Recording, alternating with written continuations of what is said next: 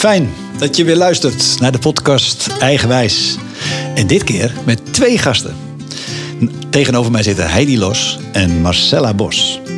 Twee bijzondere dames die ik twee jaar geleden goed heb leren kennen op een speciale reis in Nepal, waar zij beide als onze twee gidsen fungeren. En dat woord gids, dat is wel van toepassing op hen beiden. Want ieder voor zich gidsen zij andere mensen op hun weg in het leven. Marcella heeft haar eigen bedrijf, Bos Matchworks. Het is een ervaren organisator en facilitator van programma's op het gebied van persoonlijke groei, team- en organisatieontwikkeling. En ja, wat ik typerend vind aan Marcella zijn haar ja, energie. Daadkrachtig, gepassioneerd mens. Ja, Marcella, dat is nou echt een strijder. Moedig en betrokken. Heidi heeft ook haar eigen bedrijf, Design Your Own Future. En dat richt zich op het begeleiden van partners van expats in het vinden van een juiste job. En zoals ze zelf schrijft op haar website: I'm eager to help expat partners find and use their talents in life, wherever they live. En een aantal echt haar typerende kenmerken heb ik gewoon zelf mogen meemaken. Is dat ze een ongebreideld enthousiasme heeft. Zeer opgewekt, positief, flexibel, zorgzaam en betrokken om er maar even een paar te noemen. Beide dames zijn naast ondernemers ook al jaren dikke vriendinnen. En zijn beiden ook dochter van een ondernemer. En dit laatste feit, dat vormde aanleiding om met elkaar een boek te gaan schrijven over dochters van ondernemers. Met het creëren van dat boek zijn ze eigenlijk op zoek naar de eigen wijsheid bij dochters van ondernemers. Kijk, hier hebben we het bruggetje. Podcast Mijn eigen reis met de podcast Eigenwijs ben ik natuurlijk ook op zoek naar de rode draden over het volgen en het vinden van je eigen wijze. Waarin onderscheiden kinderen van ondernemers zich eigenlijk van anderen, volgens deze twee? En wat maakt deze vraag zo boeiend voor hen? En ook interessant, hoe hebben ze eigenlijk zelf hun eigen wijsheid toegepast in het leven als dochter van een ondernemer? Kortom, deze en nog veel meer vragen gaan we de komende uur beluisteren in deze nieuwe aflevering van de podcast Eigenwijs.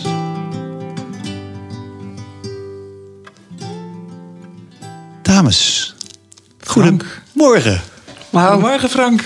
Wat leuk dat wij tegenover elkaar Ja. zitten. heerlijk. Vertel eens, eh, Marcella, waar zijn we? Ja. Nou, we zijn eh, in een kantoortje, mijn kantoortje, een kleine kantoortje in Utrecht. In een eh, next door naast eh, Masterpiece, internationale vredesorganisatie waar Aart, mijn man, werkt. En eh, deze plek heeft een super fijne energie en daarom vond ik het ook heel erg fijn om hier zelf ook mijn kantoortje te hebben. En van hieruit zo nu en dan de wereld Ja. in te gaan.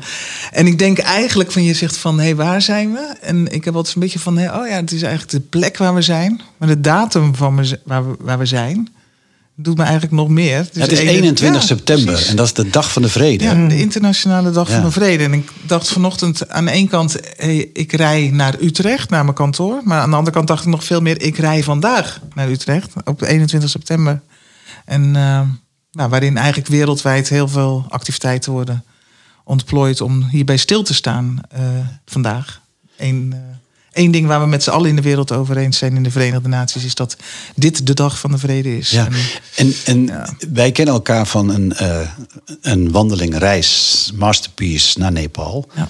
Even in twee zinnen, Masterpiece, waar staat het voor? Nou, Masterpiece staat voor het eh, ondersteunen, grassroots, dus bottom-up, lokaal, van mensen die zich inzetten om perspectief te bieden. En dat perspectief bieden kan zijn in sommige landen waar gebrek is aan eh, educatie. Soms is er gebrek aan middelen, zoals wa- of, voorzieningen, zoals water. Maar soms is het eh, gelijkheid of ongelijkheid tussen mannen en vrouwen of genders of wat dan ook. Het gaat niet altijd over oorlog. Niet overal wordt meer gevochten. Het Gelukkig. gaat niet over de absence of war, zeg maar, zoals ze dat dan zelf zeggen. Maar het gaat eigenlijk om, over het bieden van perspectief. Prachtig. En Heidi, mooi. want eh, ik moet een tweegesprek, hè, dat is voor mij ook wel even, even wennen. Dat heb ik één keer eerder gedaan met mijn eigen dochter. Ja. Ehm, en daarom even naar jou kijken, want wij waren met z'n drieën en met veel meer mensen nog eh, onder de vlag van Masterpiece in Nepal. Kan je nog even terug eh, aangeven wat, wat daar toen ook het doel was van wat we deden? De reis in Ja, Nepal. ja. Wow, dat had meerdere doelen eigenlijk. Hè? En iedere, iedere deelnemer aan zich eh, had misschien zijn, eigen, zijn of haar eigen doel. Ehm, ik denk dat, eh, dat eh, de reis, de doel. Het doel van die reis was ook eh, het, het, ehm, ja, het faciliteren van een, van een bijzondere ervaring in een land met de mensen daar lokaal. eh, elkaar in verbinding brengen en elkaar versterken. Door middel van een hele mooie wandeling, reis. En, en het was behoorlijk gefocust op onderwijs, hè? Ehm, Ja. en het bij elkaar Dus dat brengen is, eh, de- dus inderdaad, dus dat is het doel daar van de lokale organisatie van Masterpiece, clubs noemen ze dat.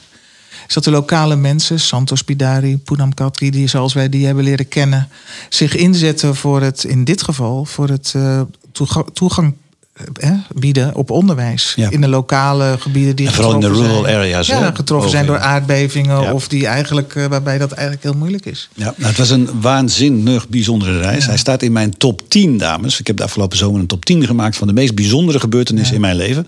Daar staat hij in. Dus dat geeft wel aan hoe eh, het mij heeft geraakt. Ik wil even voor de luisteraars, want met wie ben ik in gesprek? Wij kennen elkaar inmiddels wat beter.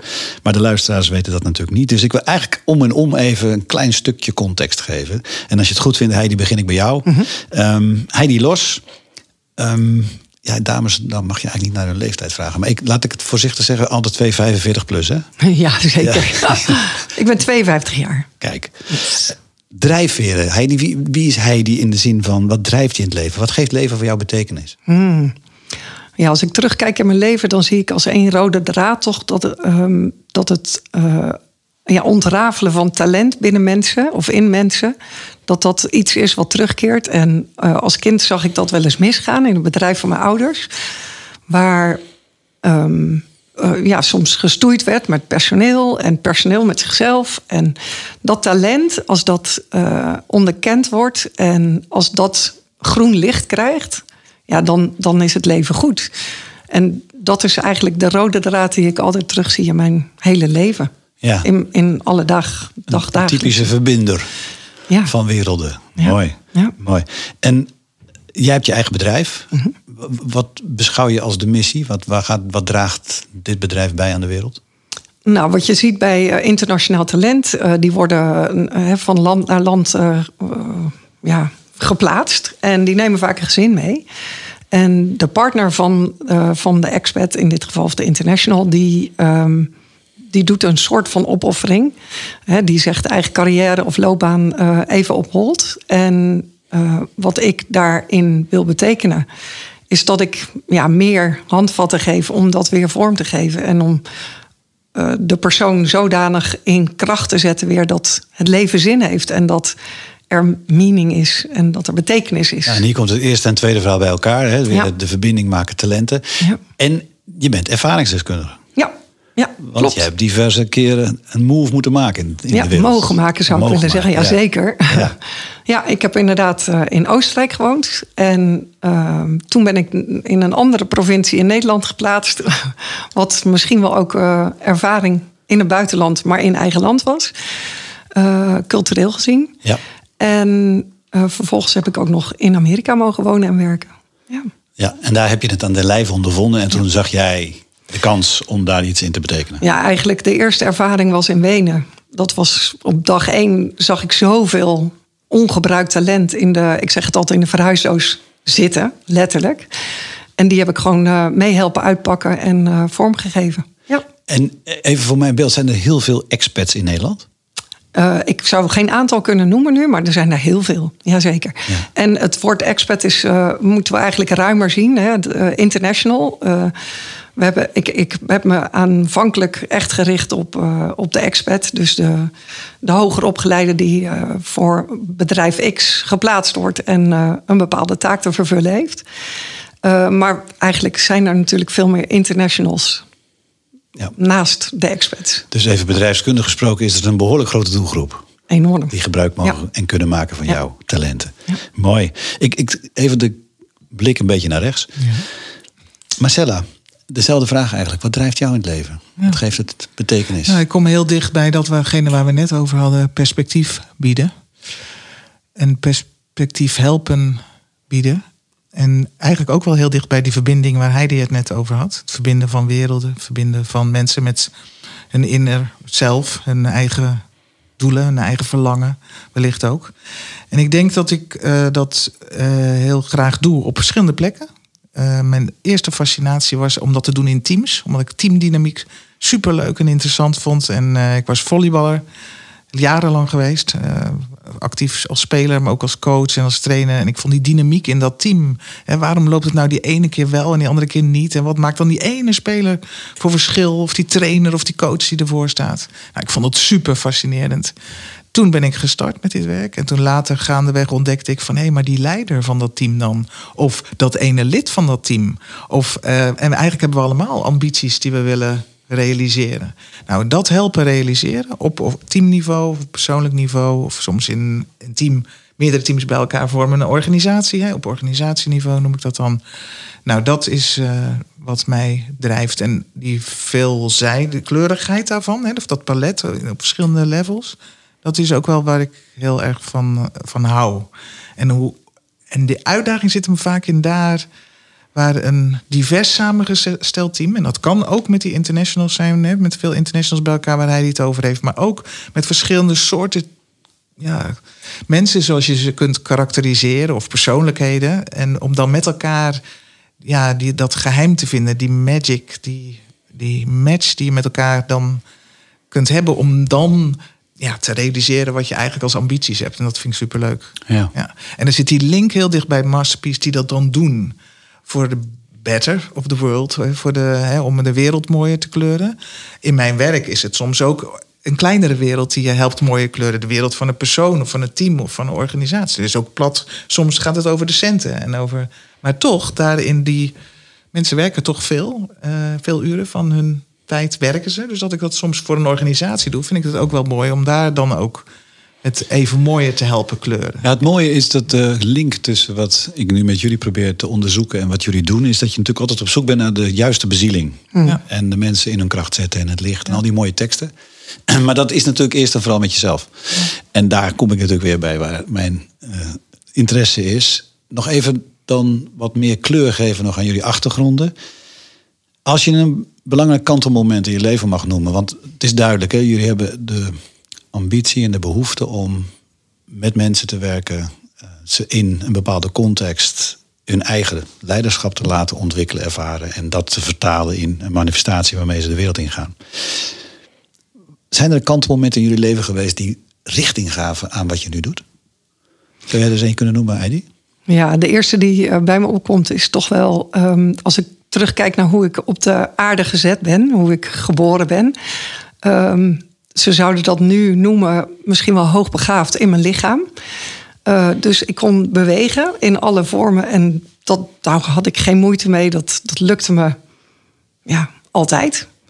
Uh, dus mijn gymleraar heeft destijds gezegd: van nou, daar moet je wat mee doen. Uh, ga toch naar het SIOS. Dus daar ben ik gestart.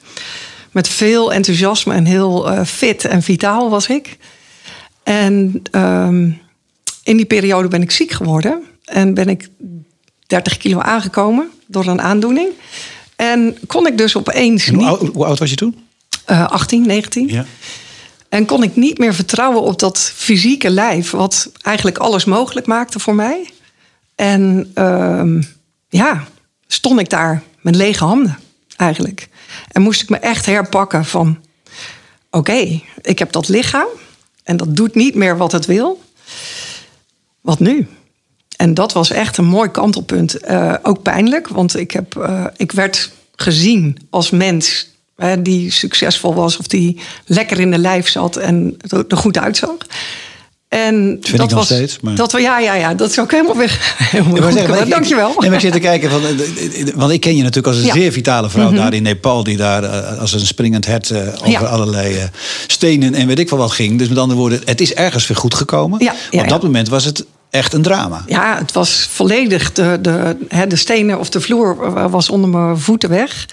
En, maar wat vooral, dat is één ding. Maar wat vooral wat ik geleerd heb, is dat uh, we, we bekijken mensen eigenlijk heel oppervlakkig. En we zien niet de hele mens. Uh, en ik werd tot die tijd eigenlijk alleen maar beoordeeld op mijn lijf en mijn, dat wat ik daarmee kon. En toen dat wegviel, vielen ook mensen weg. Hmm. En ja, dat heeft me ontzettend veel geleerd. Uh, en ook sterk gemaakt. Dat, dat was echt een kantelpunt in mijn leven. En toen dacht ik van oké, we hebben het lijf, maar er is zoveel meer. En dat ontdekken, dat heb ik vanaf toen gedaan. Wat ben je daarna anders gaan doen? Uh, om meer in mijn lijf te zitten op een andere manier. Dus niet het fysieke bewegen of het fysieke doen, maar meer ontdekken dat het lijf veel meer boodschappen heeft uh, dan alleen dat fysieke. En uiteindelijk is dat wel goed gekomen. Ja, het heeft wel echt heel veel jaar geduurd. en een operatie en toen was het goed. Zo. Ja. Helder, ja. Kijk, de podcast eigenlijk is eigenlijk een verhalenvanger. Hè? Ja. En ik ben altijd weer, uh, word altijd weer stil van dit soort mooie, ook wel indringende verhalen. Hoe is dat voor jou, Marcella? Ja, Frank. En daar kan je er. Je vroeg mij aan het begin uh, van ons gesprek, vroeg je mij om een aantal een reisje langs mijn leven te maken. Een aantal van die momenten, ter voorbereiding, hè? Ja. ter voorbereiding ja. om over te overdenken. En toen dacht ik van nou, misschien ga ik wel wegblijven bij dat wat ik je eerder met je deelde. En dan kan het nu niet, dus ik kan er niet bij wegblijven.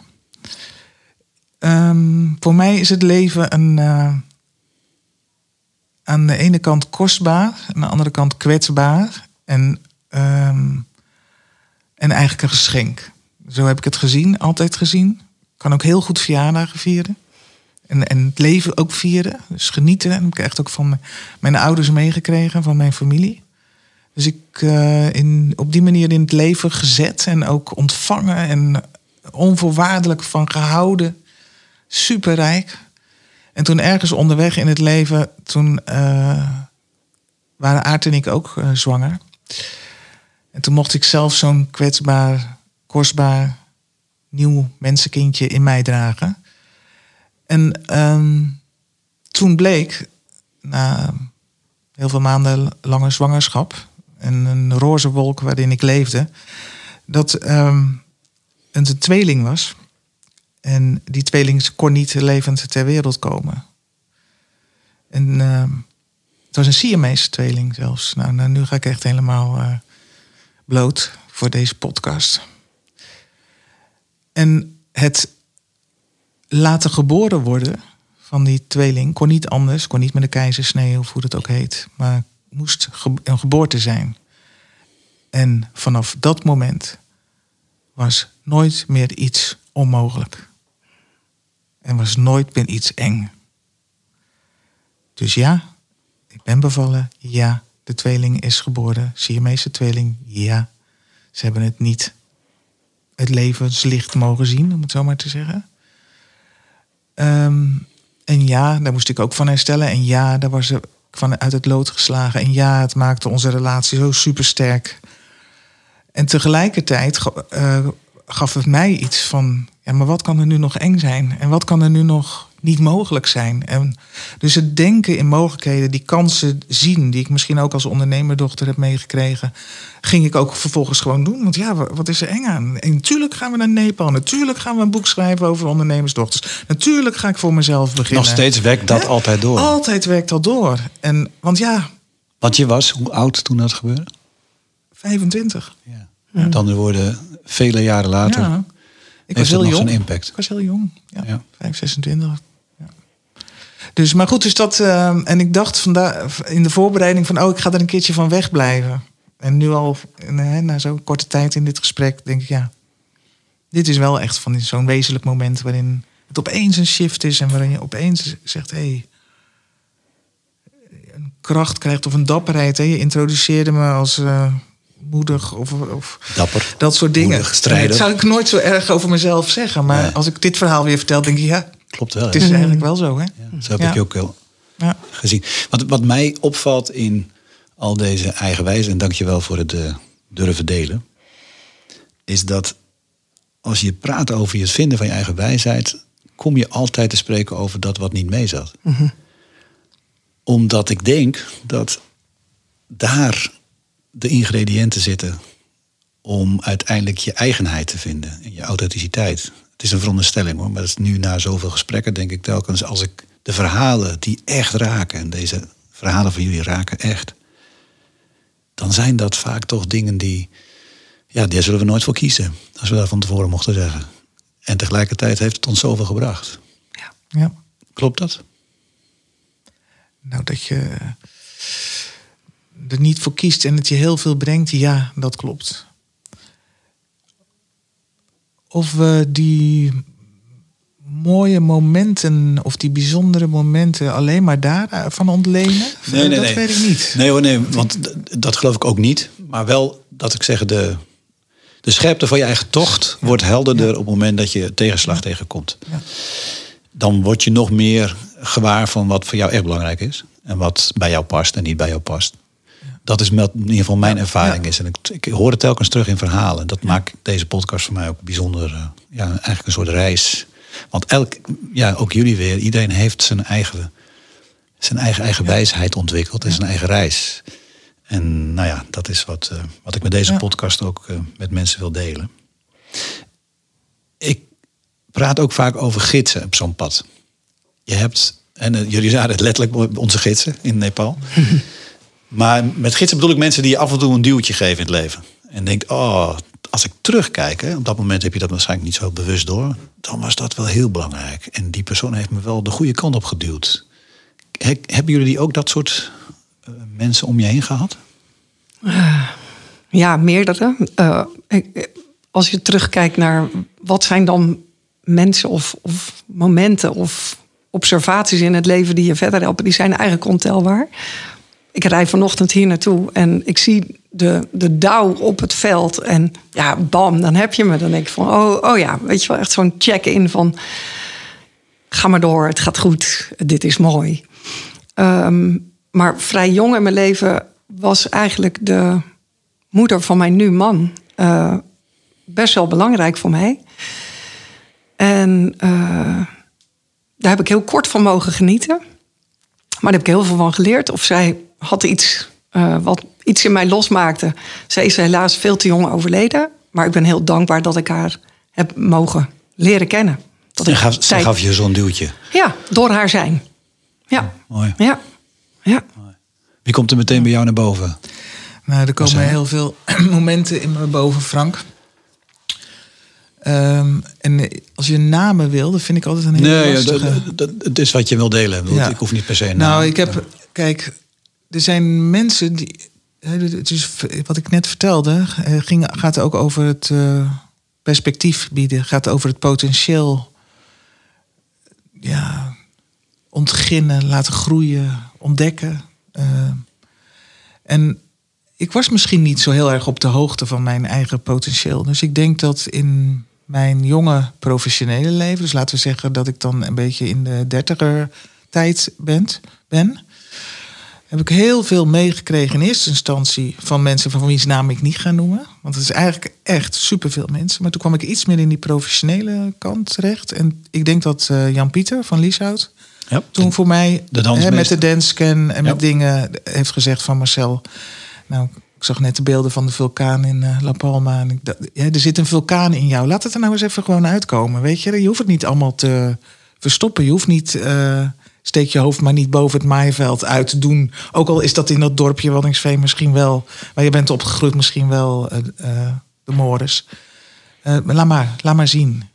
En dat was zeker, zeker een, ja, een moment waarop ik dacht van... hé, weet je, dat geeft die slinger weer een, eh, geeft het weer een slinger. Jan-Peter komt voor de tweede keer langs. Of ja. Jan-Pieter, want eh, hij was ook met Daniel Hofman in het eh, ja, gesprek. goed, dat zijn, eh, ja. en, en zo zijn er vele hoor, Frank. Dus ik doe Ja. altijd echt iedereen tekort die Nee, voor mij een gids Maar, is maar mij gaat het er meer eh, om dat je, dat je eh, realiseert van hey, er zijn, eh, om daar een bepaalde alertheid op te krijgen. Want we krijgen mensen op ons pad die ons eh, een bepaalde richting op, eh, opduwen.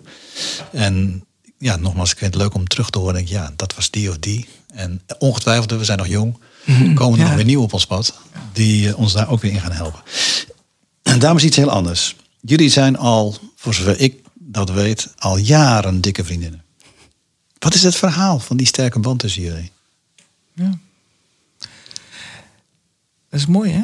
Dat is Ja. zo- dat is zo'n eh, geheim soms, hè? Ja, daar, Eh, en, en, dus ik, eh, en ik denk namelijk, de achterliggende gedachte is... vriendschap is volgens mij bijzonder belangrijk in het vinden van je eigen wijsheid. Ja. En jullie zijn zo'n prachtig voorbeeld. Dus wat is het verhaal achter jullie Dus, vriendschap? eh, Ik voor mij, dus er is een verhaal van achter, achter vandaan als het gaat over de ontstaansgeschiedenis. Als dat belangrijk is, kunnen we dat ook delen. Voor mij is denk ik het bijzondere aan de vriendschap, is dat Heidi en ik in staat zijn om met elkaar, anders we misschien ook zijn, hoe de 1 plus 1 is 3 te vinden.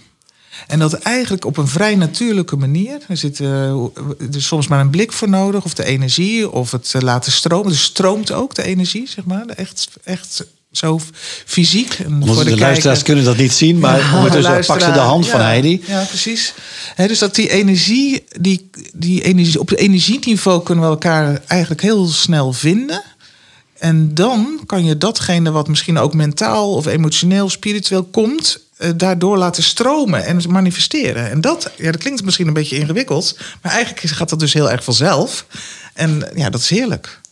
En daar kan je misschien ook niet te veel van hebben. Het kan ook te veel zijn misschien. Mhm. Misschien ook te veel voor een ander. I don't know. Maar zo nu, we weten dat vorm te geven nu in een aantal dingen die we samen doen. We hebben er een vorm voor gevonden. Ik denk dat we in het begin ook een beetje moesten zoeken. Naar wat moet die vorm dan zijn? En praten we over, over jaren vriendschap praten we over? Nou, ik ken Heidi eigenlijk. We zijn in hetzelfde dorp opgegroeid, dat is één. Dus ik kende Heidi ook van de volleybal. Uh, ik ken Heidi ook uit haar verhaal, wat ze net vertelde. Dus we hebben het over 30 plus jaar. uh, alleen ik ben een aantal jaartjes ouder. Dus Heidi heeft net haar leeftijd en ik ben, stelde maar zes bij op. Uh, dus ik zat in het net een tikkie andere generatie. Maar toen hij op een gegeven moment kwam Heidi uit Den Haag weer, weer in Alfa aan de Rijn wonen. En in Wanningsveen volleyballen. En toen is eigenlijk ja, dat is twintig jaar geleden denk ik of zo, of uh, zoiets. Mooi. Is weer, uh, ja, is die herkenning weer geweest. Terwijl we daarvoor elkaar kenden als Waddingsveners en dochter van de ondernemer en volleyballers. Ja, vooral als volleyballer. Uh, ik, mijn eerste ontmoeting met Marcelle was dat jij in Dames 1 zat oh. en ik niet. ik was nog een jong, klein, klein ding. Ik had wel de ambitie, maar uh, dus, dus die eerste ontmoeting was echt een andere. En de tweede ontmoeting was de juiste of de, de meest, ja, meest impactvolle. En ik denk wat, wat ik daaraan zou willen toevoegen is dat we eigenlijk een, um, een idee in energie kunnen omzetten die bijna altijd ergens toe leidt en dat er ook ergens toe doet. En dat is heerlijk. En daar, gaan, daar ga ik meteen op door, want mm. een idee in vorm omzetten. Jullie hebben een idee. Ja. Namelijk, jullie zijn begonnen met het schrijven van een boek in ieder geval het onderzoek met de intentie een boek te schrijven over dochters van ondernemers. Dat vond ik al intrigerend, vond ik dat. Ja. Um, is er al een titel van het boek bekend? De titel gaat nog ontstaan, Frank. Die gaat. Die uh, een werktitel? niet. Nou, de werktitel is nu OD, ondernemersdochters. in, ons, in onze mapjes in de computer. Ja. Uh, vertel eens iets over de aanleiding van, om dit te doen. Uh, nou ja, zo, zoals je weet, wij zijn allebei opgegroeid in een ondernemersgezin. En ik, ik zie dat echt als een uh, basisvorming van mijn zijn. Uh, doordat ik altijd blootgesteld was aan het werk van mijn ouders. Zij zaten allebei in de zaak. Uh, en mijn grootouders. Dat is ooit begonnen in 1816 als scheepswerf. Dus het zit al generaties bij ons in het bloed eigenlijk. En um, um, ook in, in mijn ontwikkeling zeg maar, als mens uh, was dat altijd onderdeel. En daar, daar kan ik niet omheen. Het is, het is me gegeven. En altijd was het onderwerp van gesprek als ik me voorstelde. Of uh, ik ontdekte ook aan mensen, als ik ze sprak, waar ze ook vandaan kwamen, dan zei ik wel eens van: Ben je toevallig opgegroeid in een ondernemersgezin? En nou ja, op een gegeven moment hebben wij daar uh, elkaar ook in gevonden en zijn we in gesprek gegaan daarover. En toen was het dus weer 1 en 1 is 3. En moest het zo zijn. Ja, want jij bent ook dochter van een ondernemer. Ik ben ook dochter van een ondernemer, ja. Even, even voor de beeldinrichting. Woninginrichting. En wat, deden jouw ouders? Uh, oorspronkelijk scheepswerf, maar dat is doorontwikkeld naar staalconstructie en gas. Oké. Industriële gasverkoop. Oké, en transport. Transport. En wij hadden een winkel en een, uh, eigenlijk dus bij de mensen aan huis leven. Met alles wat je maar kan bedenken, Frank, wat je in je huis hebt. vroeger hadden mensen vloerbedekking, gordijnen, ja. luxe flexen, bedden, kastjes, uh, banken. Nou, alles wat je maar in je woning hebt. Tot een wc-kleedje aan toe en een schilderijtje aan de muur. Verkochten wij in onze winkel en plaatsten we, stoffeerden we bij mensen thuis. Dus mijn vader had een winkel samen met zijn broer broeders Kooiman heette het, woninginrichting. En mijn moeder en mijn tante naaiden vitrage en gordijnen. En uh, nou, ik, liep er ook rond. En, jij- en jij zei al, Heidi, ik, had dat, ik heb het idee dat ik dat mensen kan herkennen die vanuit een ondernemersgezin komen. Want, en daar zit waarschijnlijk. Want eh, laten we het anders vragen. Wat is de intentie van het boek? Eh, de intentie is misschien ook ons eigen verhaal vertellen, maar meer nog een verzameling van andere verhalen en die bij elkaar eh, eh, brengen tot patronen herkennen, eh, zodat mensen het ook kunnen gebruiken in hun dagelijks leven en meer eh, body geven of mogen geven, het, het meer eh, deel van hun leven mogen laten zijn. Dus het is ter inspiratie en ter stimulering van mensen die zich daarin herkennen. Ja, en ook, en dat, we hebben nu een aantal interviews gedaan met eh, ondernemersdochters. We hebben ook wel gezien dat, dat het ook een cadeau is aan de ouders van. Want het geeft straks ook een inkijkje in van. Het heeft impact gehad op mij, op mijn leven, op mijn zijn. En dat is als een cadeau voor de ouders die, eh, die de ondernemer waren. En ik ben eh, zelf, zoals jullie weten, ook zoon van dit geval Ja. van een ondernemer. Dus ik kan me makkelijk relateren aan waar, waar jullie mee bezig zijn. Ik, het intrigeert me dat jullie kiezen voor dochters. Dat vind ik ook mooi, omdat dat soort afbakening van... hé, hey, we gaan eens kijken naar hoe dat bij de dames eh, zich heeft ontwikkeld. Zien jullie al rode draden in dit voorlopig onderzoek? Ja, dat denk ik wel. Zien een rode draad. Een van de rode draden is bijvoorbeeld het, eh, de balans vinden. hè. We hebben het, eh, mensen kunnen altijd aanstaan. Kinderen van ondernemers, en dan zal ik niet alleen zeggen dochters, maar we hebben voor dochters gekozen, Frank, omdat dat mee ons dan eh, expert maakt. Of ervaringsdeskundige. En dat zou met zonen niet zijn. Dus ik zeg niet dat het niet bij die zonen ook zo is.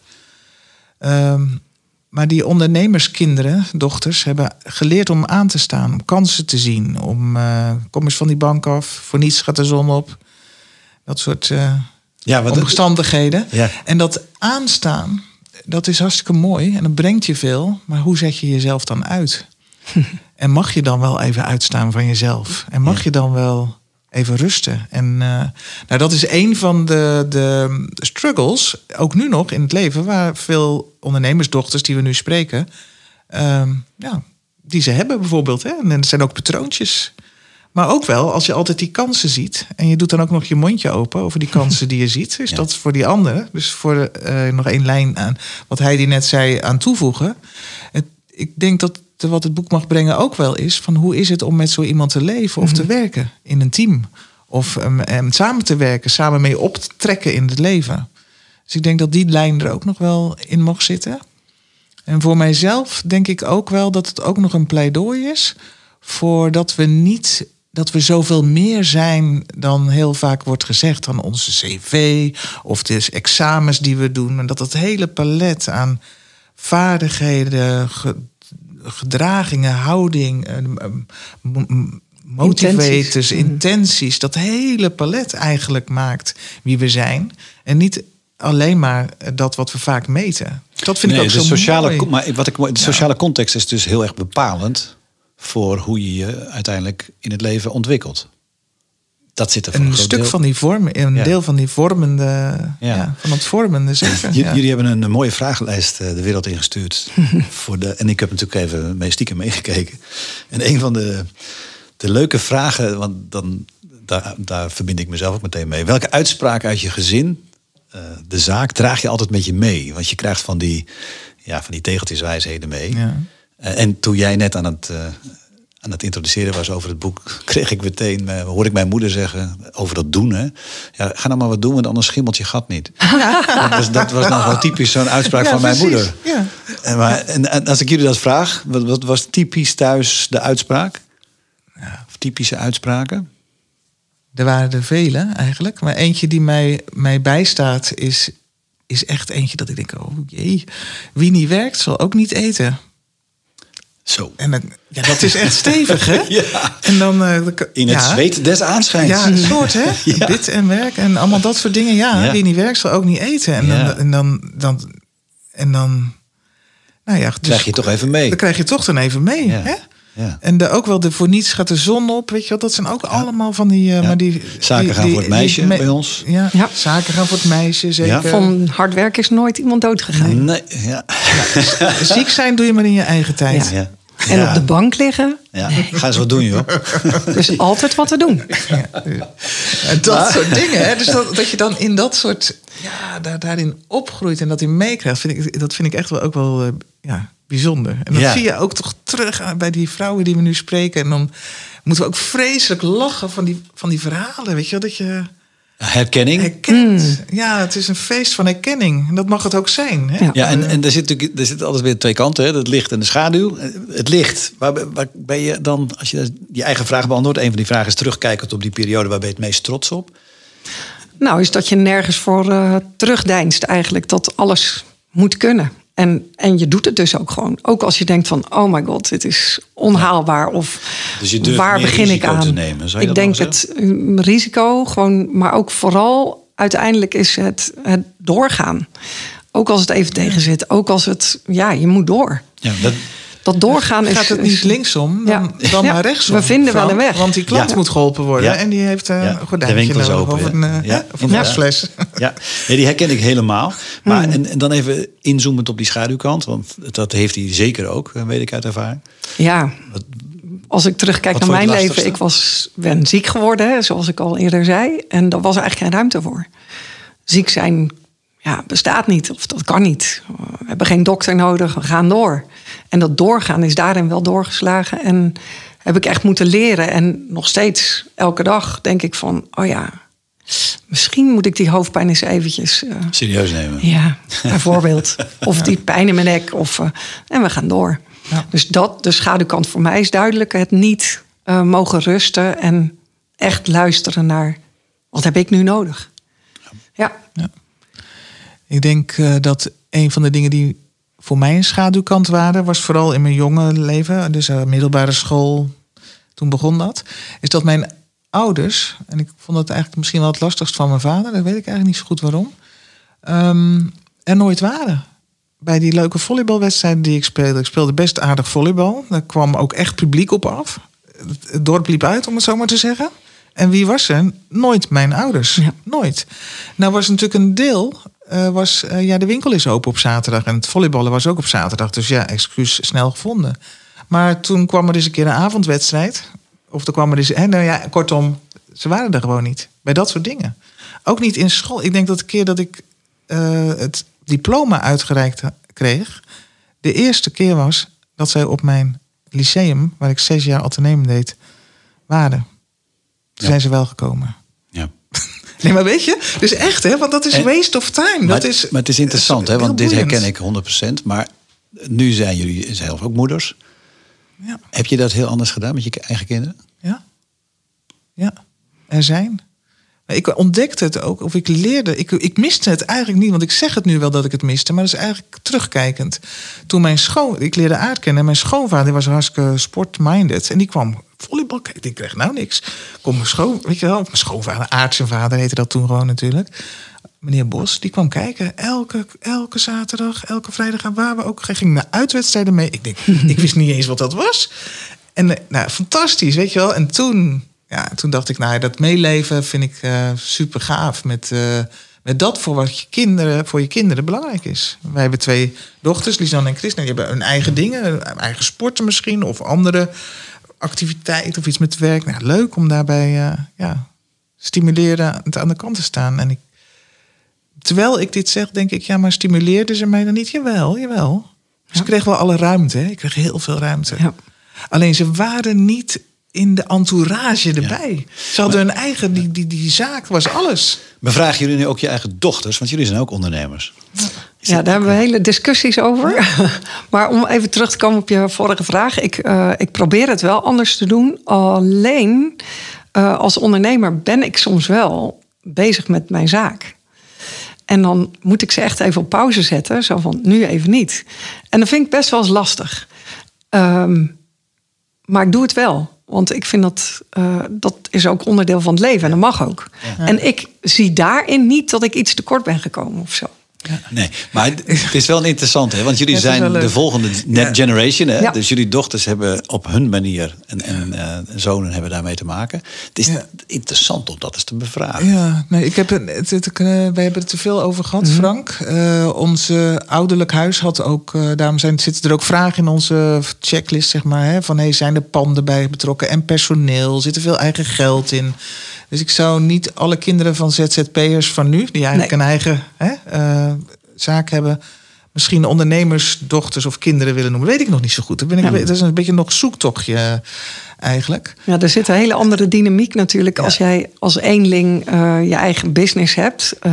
Als, Als een echt bedrijf. als met een bedrijf waar, waar, personeel. Ja, eh, waar, waar stakeholders zelf, zijn. En, Ja, waar je ook rondloopt, waar je ook helpt. Ja. En aan de andere kant zou een van mijn dochters zeggen... ja, maar mam, toen jij die grote eh, opdracht had... Met, dat je op reis moest, met, toen moesten wij toch allemaal eh, die labeltjes maken... voor bij die koffers, vooral die deelnemers, weet je wel? Met Ja. allemaal die exotische namen. Het is uh, Rabo International een keer een heel event, zeg maar. En daar zaten zij boven op zolder bij mij eh, labeltjes te maken. ja.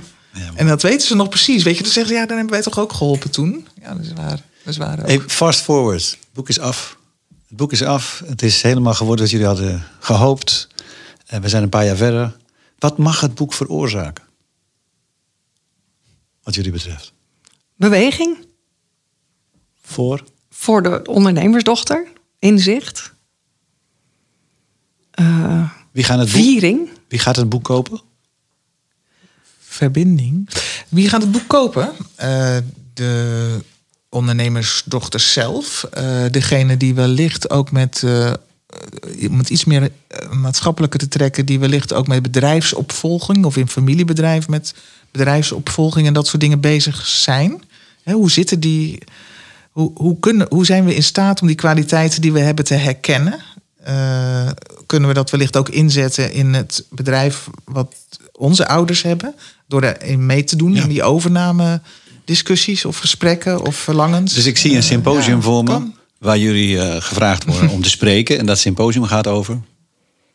Als je het mocht fantaseren. Ik, je geeft net aan bedrijfsopvolging. Hè? Kan zo, zo Ja, zoiets kunnen kunnen. zijn. Maar dat is misschien ook wel groot, Frank. Eh, Denk eens groot. Nou, maar ik vind. eh, misschien komt veel meer een woord als dankbaarheid of gratitude. eh, eh, komt bij mij veel meer binnen dan, dan dit soort zakelijke termen. Van hé, hey, weet je wel, ik ben blij met wie ik ben. Ik ben blij met, dat, met hoe ik gevormd ben. Ik, ben, ik kijk in dankbaarheid terug. Eh, ik dank mijn ouders voor wat ik heb gekregen. Maar ook door die ontdekking ga ik dat inzetten. Snap ik waarom misschien anderen soms het wel wat moeite mee dat Snap is- ik waarom ik die lat zo hoog leg voor die ander. Dus waar ik het eigenlijk een beetje zakelijk maak. En de bedrijfskundige context geef. Voel jij of voelen jullie veel meer. Dit gaat bijdragen tot persoonlijke reflectie. En tot Ook. een stuk persoonlijke ontwikkeling voor de mensen die zich in herkennen.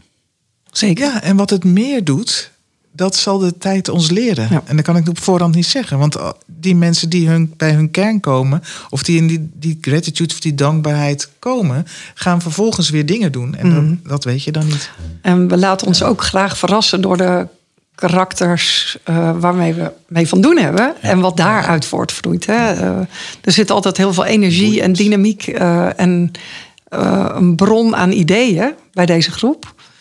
Nou, Ja, dat laten we graag elkaar, ontstaan. We Ja, kunnen dat elkaar een soort leuk. afspraak maken dat over een aantal jaren, als het eenmaal een feit is, dat we nog eens een keer dat gesprek kunnen voeren van wat, wat, wat voor impact dit gehad heeft. Ja. Niet alleen op de lezers, maar ook voor jezelf. Ja, Want het is natuurlijk ook een eigen reis die je aan het Ja, maken bent. zeker.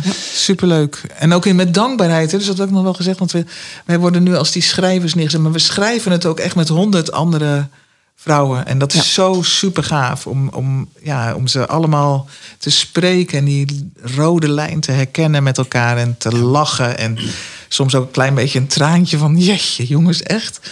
En Ja. ja dat is mooi. Mooi. mogen doen. Dames, ik ga een overgang maken naar eh, het laatste deel van ons gesprek. En dat doe ik omdat ik heb met twee dames te maken... die alle twee natuurlijk een favoriet nummer hebben meegegeven. Dus die ga ik er eens even tussendoor weven. En ik zou eigenlijk willen eh, beginnen met die van jou, Marcella. They Dance Alone van Sting. Daar hoort vast een verhaal bij. Ja. Nou, behalve dat Sting een woest aantrekkelijke man is. Dat is dan even terzijde. Hè? Sowieso een Dat is aanbeveling altijd dan. een aanbeveling. Ja. Eh, is dit ook eigenlijk wel een, een eh, nou misschien wel heel erg gerelateerd aan waar we vandaag mee begonnen? Van waar zijn we in het kantoor van Masterpiece en het, op de Internationale Dag van de Vrede? Dit is eigenlijk een protestsong uit de jaren tachtig, in de tijd eh, dat je in Zuid-Amerika de dictaturen had en heel veel kinderen verdwenen. En de moeders, de dwaze moeders zoals ze wel gehoord, eh, genoemd worden, die kennen we. En dit ging over de moeders in Chili. En is een protestsong eigenlijk eh, tegen het bewind van Pinochet. En daar schreef Sting dit nummer over, over de alleen dansende moeders. En over dat dit eigenlijk niet kan. En wegkijken is geen optie, wat mij betreft, eh, op heel veel dingen in de wereld. En dus ik blijf toch ook wel een beetje die, dat appel altijd in mij hebben. Dus toen, het nummer, toen je het vroeg, dacht ik, ja, ik ga toch zo'n soort nummer kiezen. Waarin, eh, ja, waarin de muziek ehm, dingen zichtbaar maakt en open maakt en in beweging kan brengen. Ja, vind ik mooi. Je hoort dat hij al begonnen is. Ja. Dus we gaan hem langzaam naar voren schuiven. Dankjewel, mooi verhaal. Op de dag van de ja, vrede. zo is dat. Sting met They Dance Alone. Dancing with the missing, dancing with the dead. They dance with the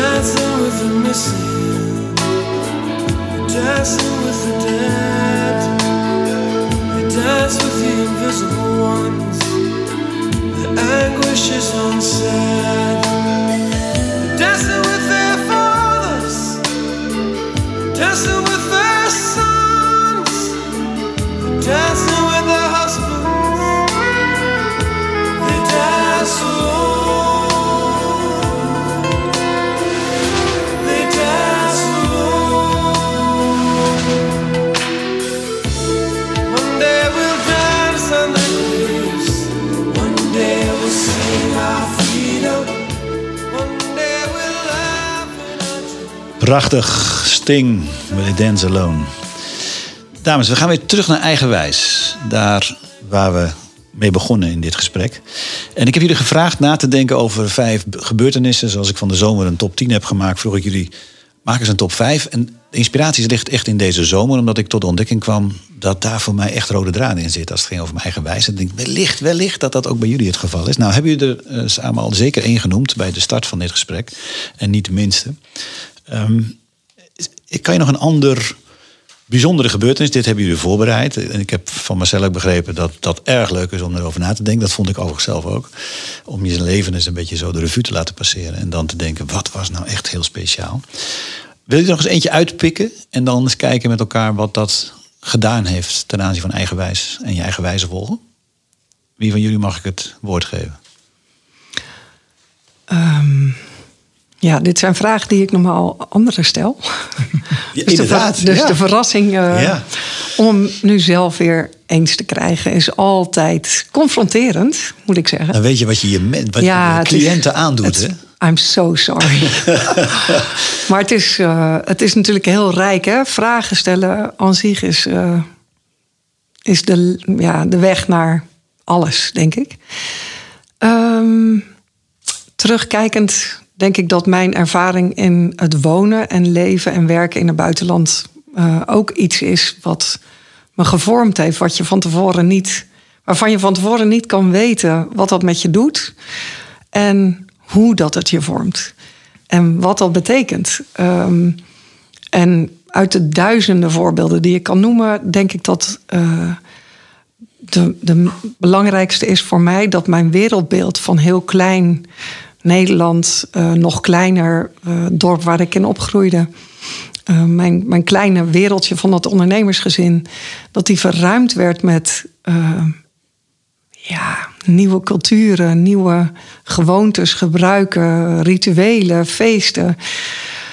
Met andere woorden, dat je heel veel meer perspectief kreeg. Of andere perspectieven. Ongelooflijk. Ja. En, en die rijkdom van dat oneindig leren, want dat is het. Hoe meer je weet van andere culturen, hoe meer je weet dat je niet weet. Ja. Eh, ja, dat maakt je eigenlijk klein en heel groot tegelijk. Dus ja, dat. Mooi hoor. Ja. Heel herkenbaar. Reizen eh, ja, maar verbreedt je wereld. En geeft veel meer perspectief. En krijg je daarmee dus ook meer zicht op je eigen ontwikkeling. Eigen je wijze eigen. en dat ja, soort dingen. ja. Dankjewel. Marcella, Ja. je hebt een tijdje zitten pijnzen. Ik heb zitten pijnzen, Frank, want ik denk, oh, die on- de ontmoeting met Aard was zo'n verandering van mijn leven. En Aard is jouw en echtgenoot. eh, Aard is mijn man en et cetera. Ik ga hem toch niet kiezen, want ik denk, als ik dan even kijk naar die omslagkant. Dus Aard is heel belangrijk geweest voor mijn vorming en voor, want we hebben elkaar gevormd, want we leren elkaar jong kennen. Maar ik denk in de omslagkant dat ik misschien iets pak wat, eh, wat, wat wel verrassend is. Ik vind het ook wel leuk om eigenlijk voor je verrassingen voor mezelf te horen ook. Ik ben altijd een groot meisje geweest. De grootste van de klas, de grootste van. En ik heb me eigenlijk altijd heel klein gehouden daardoor. Want je schaamde je voor. Ik was, je moet je voorstellen, zo'n brugklas. Met alle jongetjes zijn kleiner dan jij. En dan had je een schoolfeest. Dan moest je slijpen, heette dat. Dan moest je samen dansen, heel langzaam.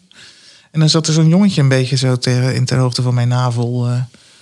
Die stond daar dan een beetje met mij. Weet je, dus het is echt super. Dus ik maakte me altijd klein, klein, klein. Dat iedereen die dit nu hoort en mij nu kent, van de laatste 20 jaar of 15 jaar, die zal zeggen: Nou ja, echt Marcel, jij klein. Maar ergens is er een moment ge- geweest, en eh, ik noemde net het voorbeeld al van Jan Pieter: van hey, laat die vulkaan er nou maar eens een keer uitkomen.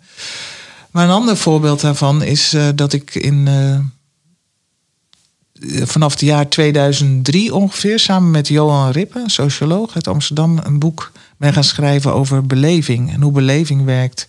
En hoe je dan, als je events organiseert of bijeenkomsten organiseert, meetings, events, evenementen, hoe je dat dan eh, vorm kunt geven. Wat kun je daarin? Wat is van de mensen zelf en wat is van die arrangeur en hoe werkt dat dan? En dat boek kwam uit. En ik was, had het als een project gezien, bijna half als journalist of half als ervaring, ervaringen delen. En ik, het boek was uit in 2007 en ik werd heel kort daarna gebeld. Ja, u bent die expert over beleven, hè? Zou u mee willen doen in? En toen opeens ging al mijn werken en al mijn dingen kregen een gigantische switch. En werd ik opeens als expert over beleving. En ik zat met rode wangen aan die telefoon. Expert, expert. Ja, want u heeft een boek geschreven. En toen opeens moest ik uit dat holletje, uit dat verstopt, die verstopte plek komen en me laten zien. En, en en ervoor gaan staan, om het zo maar te zeggen. En ik denk dat dat ook wel echt een switch in mijn leven was van... hé hey Marcel, ga er maar eens voor staan, meisje. En ik was altijd al groot en krachtig. Hè? Dus al- mensen zeggen dan, ja, maar de, jij dan? Marcel, je, echt, hè? je kan helemaal niet klein zijn. Maar toch voor mijzelf was dat wel een, echt een grote verandering. Ja. Ja, bijzonder. eh, bijzonder. ja. Mooi. Eh, Dat brengt me gelijk bij de vraag die ik standaard stel. Die past hier ook heel erg goed.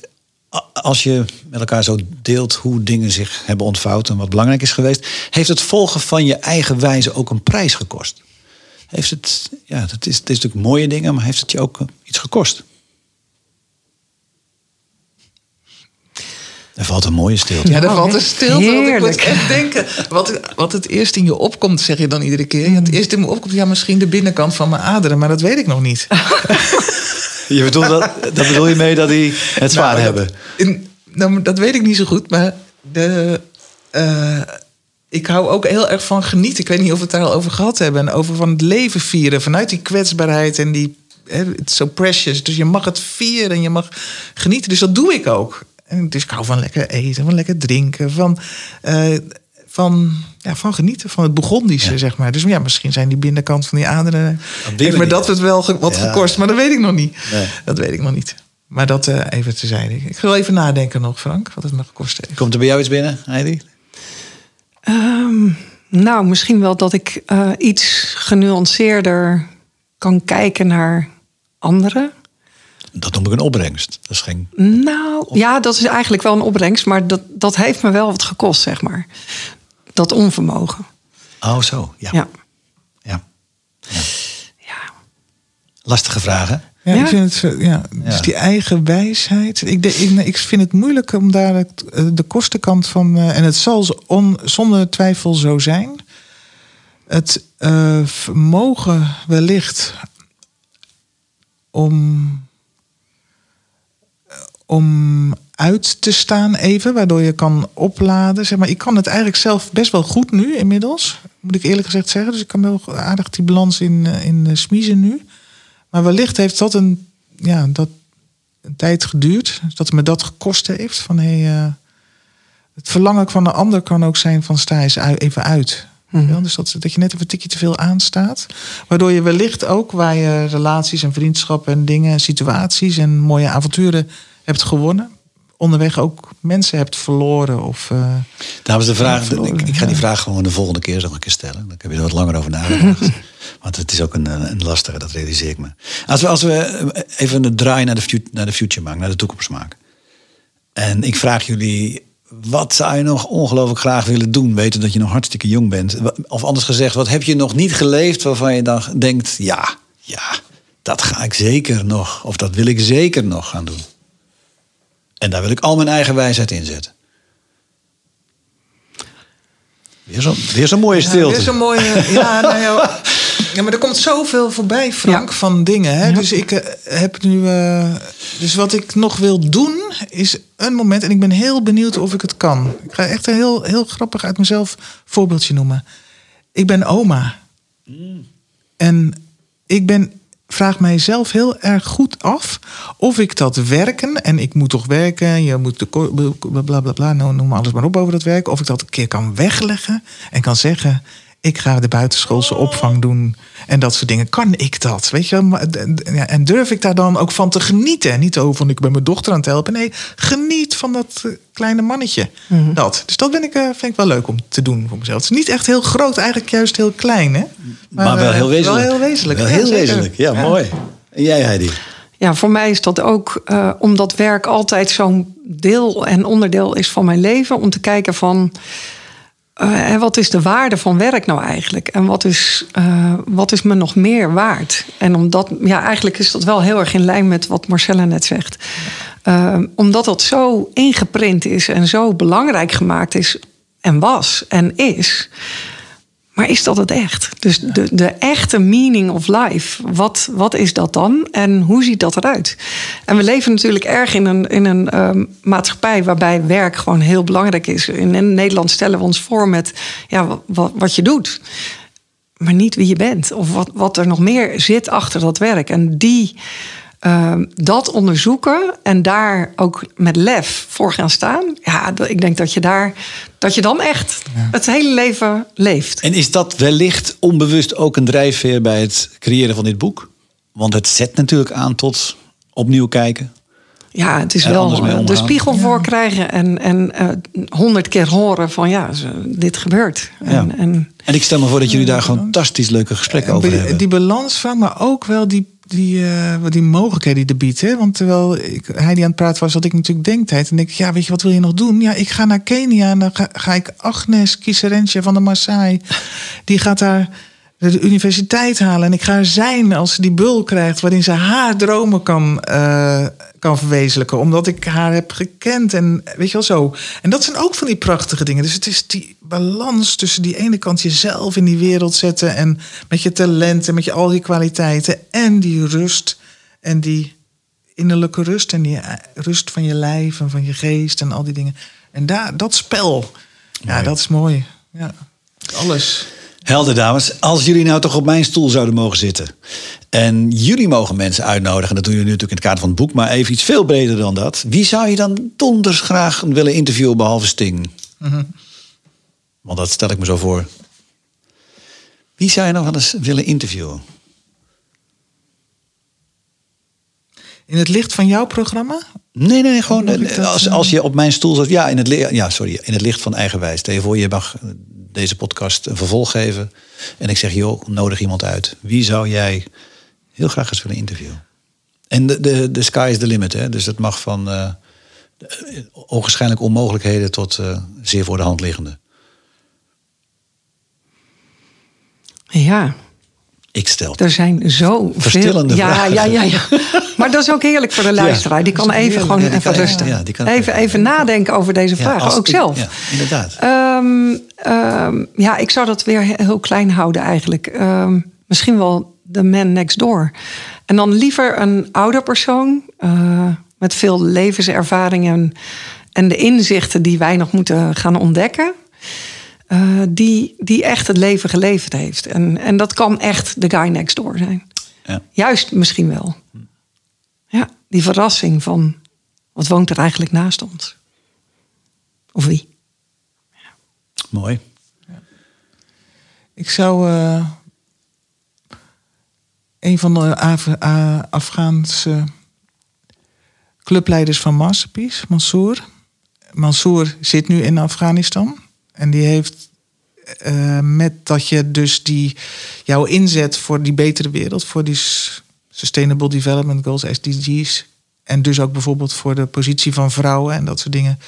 En dat je in die, in die wereld dat gedaan hebt. Dat je in die wereld en dat je nu niet die mogelijkheid krijgt om naar Europa te komen. Het gaat niet per se over Nederland, het had ook Duitsland kunnen zijn.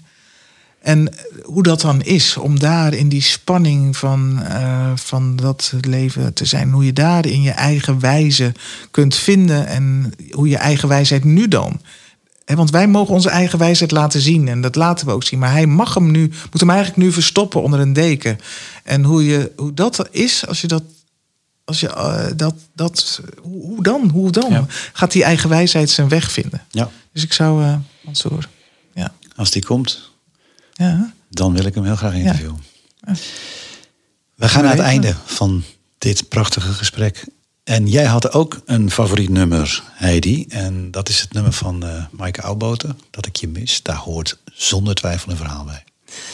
Ja, daar kan ik heel lang verhaal over vertellen, maar eh, we hebben heel weinig tijd. En eh, de eerste keer dat ik dat lied hoorde was toen ze het performde in, in de show.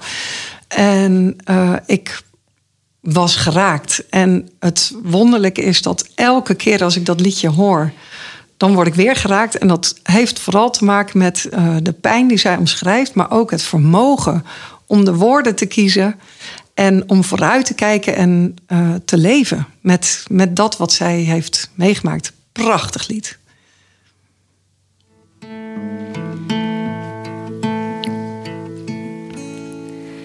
Je kust me, je sust me, omhelst me, gerust me.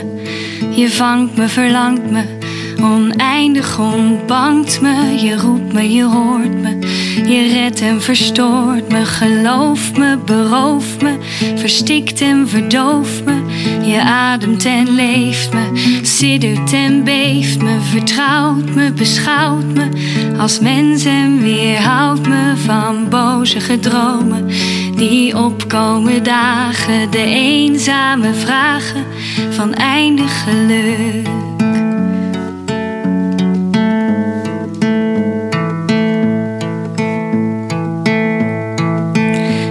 Je krullen als nacht, hoe je praat, hoe je lacht.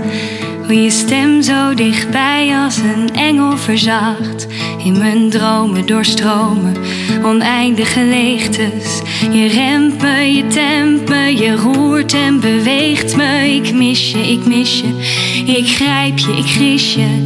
Ik wil je, bespeel je, ik roer en beveel je om bij me te blijven in donkere nachten. Om niet meer te smachten naar jou.